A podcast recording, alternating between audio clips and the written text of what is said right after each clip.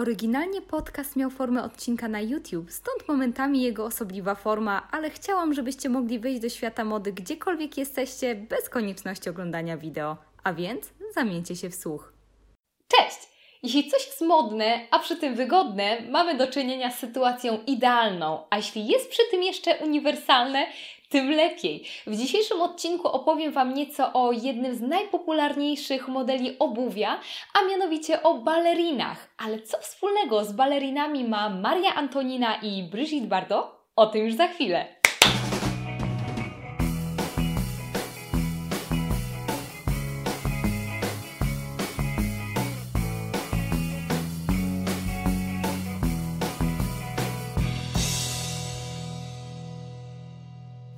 Powiem, będzie mało odkrywcze, ale oczywiście historia balerin jest nierozerwalnie związana z baletem.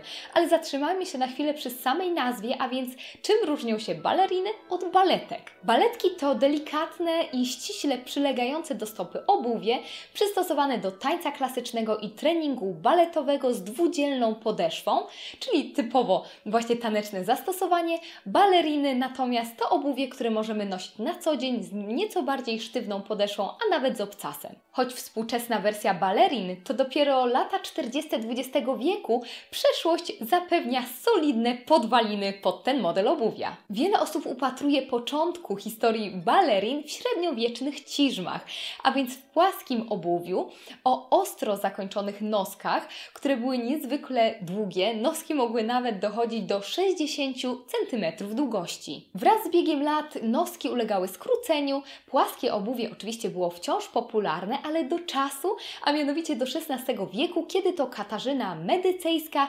wychodziła za mąż i zażyczyła sobie, aby jej obuwie posiadała obcas, ponieważ chciała wyglądać na wyższą i starszą. Oczywiście damy dworu oszalały na punkcie obuwia na obcasie i mówi się, że spadek ich popularności to dopiero wiek XVIII. Dlaczego? To był czas rewolucji francuskiej i Maria Antonina szła na szafot w obuwiu na wysokim obcasie i często postrzegano je jako w złym guście, a więc oczywiście wiązało się to ze spadkiem popularności tego obuwia.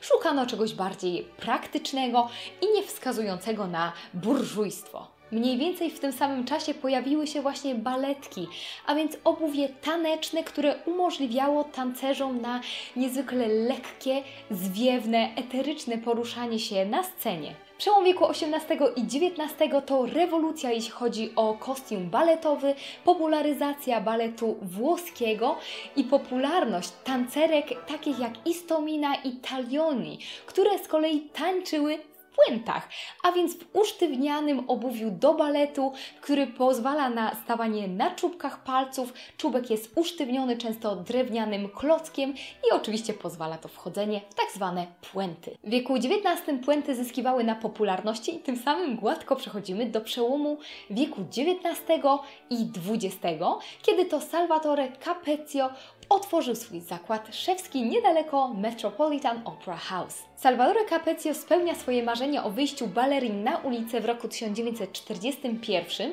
kiedy to zgłasza się do niego amerykańska projektantka mody ready to wear, mianowicie Claire McCardell. McCardell zażyczyła sobie, aby baleriny miały wygodną, porządną podeszwę, żeby występowały w różnego rodzaju y, wersjach kolorystycznych, były wykonane z różnych materiałów, a Capezio dodał tutaj swoje obszycie i nieco głębsze wycięcie.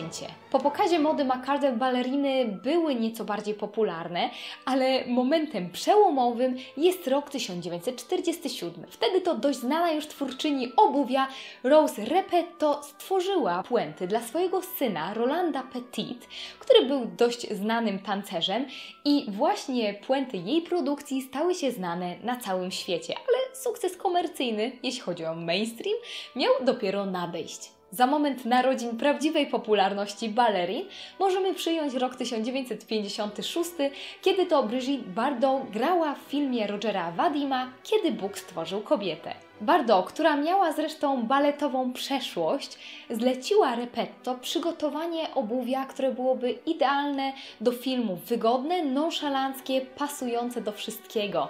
I tak powstały słynne baleriny z czerwonej skóry z delikatną, ozdobną kokardką z przodu. Nie muszę chyba wspominać, że najpopularniejszym modelem Repetto po dziś dzień są właśnie baleriny nazwane na cześć Brigitte, a więc Repetto Bebe. Czerwone baleriny Repetto stały się ulubionym rodzajem obuwia Brigitte, która zamówiła kilkanaście par w różnych kolorach, od czarnych po cieliste i nosiła je praktycznie do wszystkiego, do shortów, do cygaretek, czy też do sukienek w stylu New Look. A kto mógł przypieczętować popularność baleriny lepiej niż sama Audrey Hepburn, która w roku 57 zagrała w filmie Funny Face i miała na nogach właśnie czarne baleriny Repetto. I od końca lat 50. możemy mówić o prawdziwej, trwałej i nieustającej miłości kobiet do balerin, ponieważ tak jak pamiętacie, na przykład bitniczki nosiły baleriny właśnie do czarnych cygaretek i tak naprawdę od tego momentu w ogóle niesławnie popularność tego typu obuwia. Ponadczasowe baleriny goszczą w szafie niemal każdej kobiety. Są naprawdę uniwersalne, pasują zarówno do romantycznych stylizacji, jak i tych rock'n'rollowych, z nieco większym pazurem są też uwielbiane przez elegantki. Tak naprawdę pasują do niemal każdej sytuacji. Baleriny są oczywiście przy tym niezwykle wygodne i chyba każda z pań doskonale zna tę sytuację, kiedy zrzuca szpilki na jakiejś imprezie i ubiera właśnie baleriny, które rodzą się jako ratunek. Niemal każdy dom mody zaprezentował kiedyś wersję balerin dostosowaną do aktualnych trendów, poddaną liftingowi lub też skutecznie sięgającą do przeszłości. A więc to też może być powodem, dlaczego kobiety cały czas pamiętają o tych butach, które są oczywiście świetnie utrwalone przez popkulturę. Baleriny to takie jeansy, jeśli chodzi o obuwie.